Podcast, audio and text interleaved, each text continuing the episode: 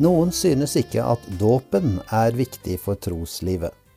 De er redde for en mekanisk forståelse og det som kalles sakramentalisme. Men vi må være bevisste på hvilken plass dåpen har i Bibelen.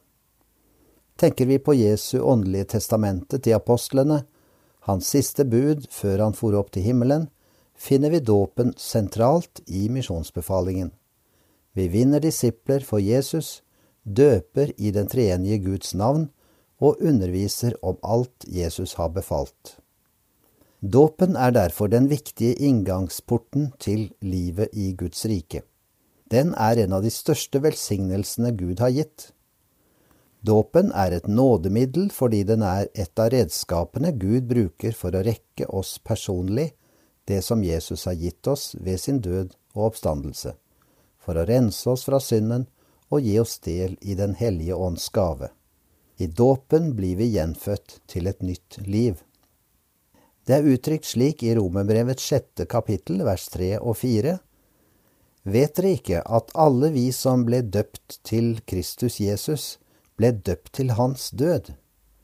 Vi ble altså begravet med ham ved dåpen til døden, for at liksom Kristus ble reist opp fra de døde ved Faderens herlighet, så skal også vi vandre i et nytt liv.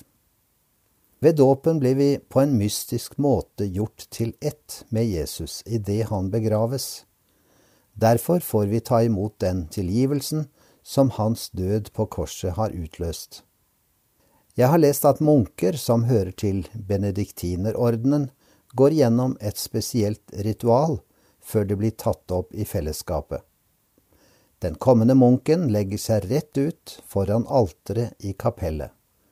Han legger seg akkurat der hvor kisten hans skal stå når han er død og skal begraves. Han blir dekket av et begravelsesteppe. En kirkeklokke som brukes ved gravferd, lyder med tunge slag, Deretter blir det stille. Det er dødens stillhet. Stillheten blir brutt av at en synger med ordene fra Kolossebrevet. Dere er jo døde, og deres liv er skjult med Kristus i Gud. Men så går fellesskapet over til å synge fra påskeliturgien blant benediktinerne, fra Salmenes bok. Jeg skal ikke dø, men leve og fortelle om Herrens gjerninger. Så roper en munk med ordene fra Bibelen, Våkn opp, du som sover, stå opp fra de døde, og Kristus skal lyse for deg. Deretter lyder kraftig klang av glede fra klokkene. Den nye munken reiser seg, begravelseskledet faller av, og så blir drakten for benediktinerordenen kledd på ham. Han får et fredskyss og blir ønsket velkommen inn i et nytt liv i fellesskapet, der livet hans nå er skjult i Kristus. Det er nettopp dette som skjer i dåpen, som Paulus uttrykte slik. Jeg er korsfestet med Kristus, nå er jeg blitt levende i ham. Vi er et folk som vet at Jesus døde for oss. Av takknemlighet tar vi hans navn, vi kaller oss kristne etter Kristus, Dåpen er en markering av den korsfestede og oppstandende Herren vår. Han er vår nye identitet, og han gir oss et nytt navn.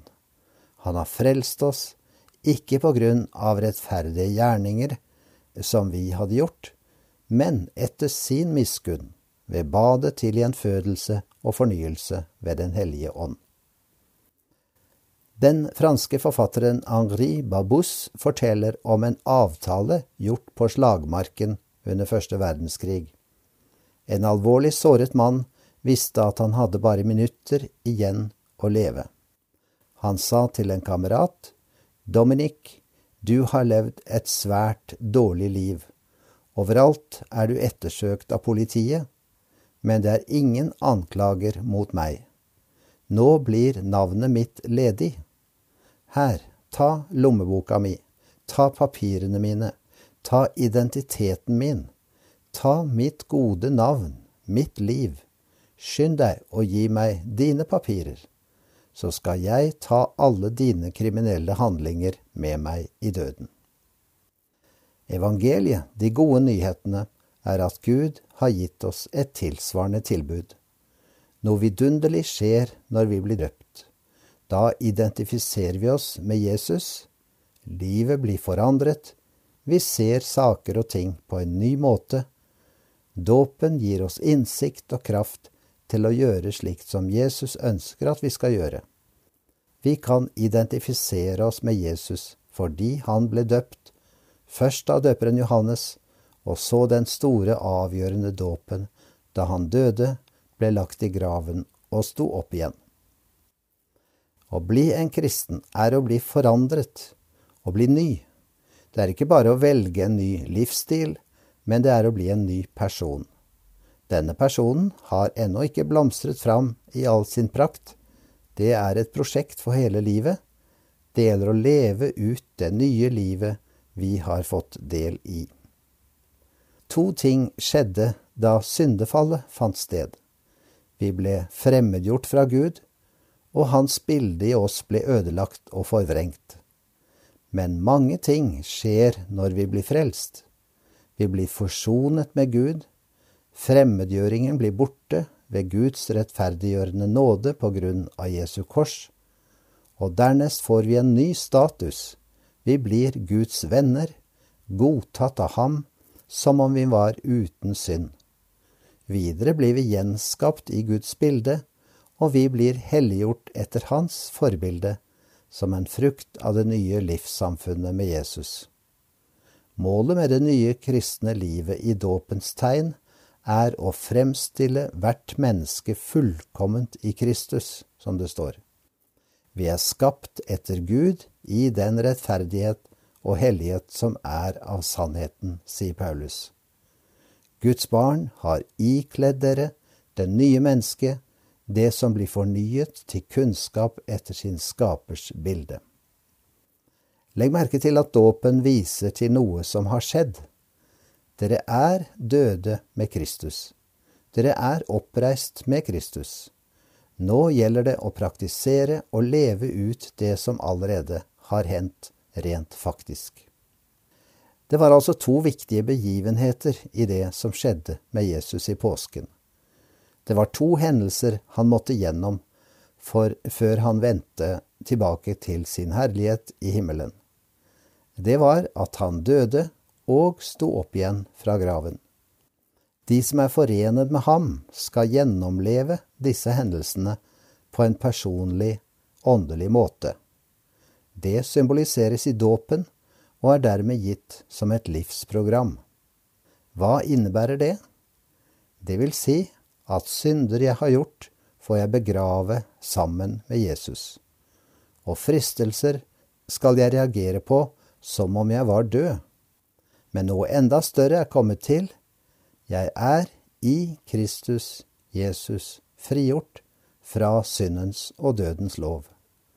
Det har skjedd noe grunnleggende nytt, samtidig som det er skjult. Og Paulus kan si, alltid bærer vi med oss Jesu død i vårt legeme, for at også Jesu liv skal åpenbares i vårt legeme. Da har ikke lenger døden noen makt over oss, for Jesus har jo seiret over døden. Vi trenger ikke vente på et evig liv. Vi eier det allerede nå fordi Kristus bor i oss, og fordi Jesus er så mye større enn oss, så vil han på en måte tyte fram i oss. Det er for eksempel ikke noen kristen reaksjon å vri hendene i håpløshet. Det skal vise seg når vi står overfor fristelser. Bibelen lover at vi ikke skal møte større fristelser enn vi kan bære. Han vil vise utveier og gi oss hjelp til å holde ut. Noen vil si at dåpen er en måte for en person å komme med en offentlig bekjennelse av sin tro.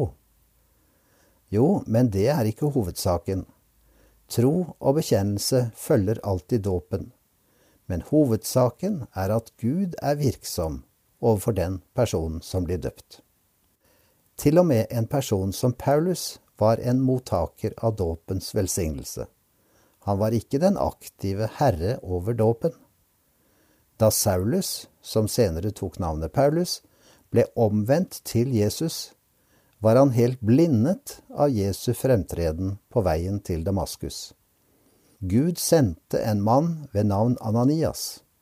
Han sa til Saulus, Saul, bror, Herren Jesus har vist seg for deg på veien der du kom, for at du skal få synet igjen og bli fylt av Den hellige ånd. Ananias skulle altså sørge for to ting skjedde med Paulus. Han skulle bli helbredet, og at han skulle bli fylt av Den hellige ånd. Og da hendte dette. Straks falt det liksom skjell fra øynene hans, og han kunne se. Slik ble han helbredet. Videre står det, han sto da opp og ble døpt. Hva gjorde altså dåpen? At Saulus ble fylt av Den hellige ånd.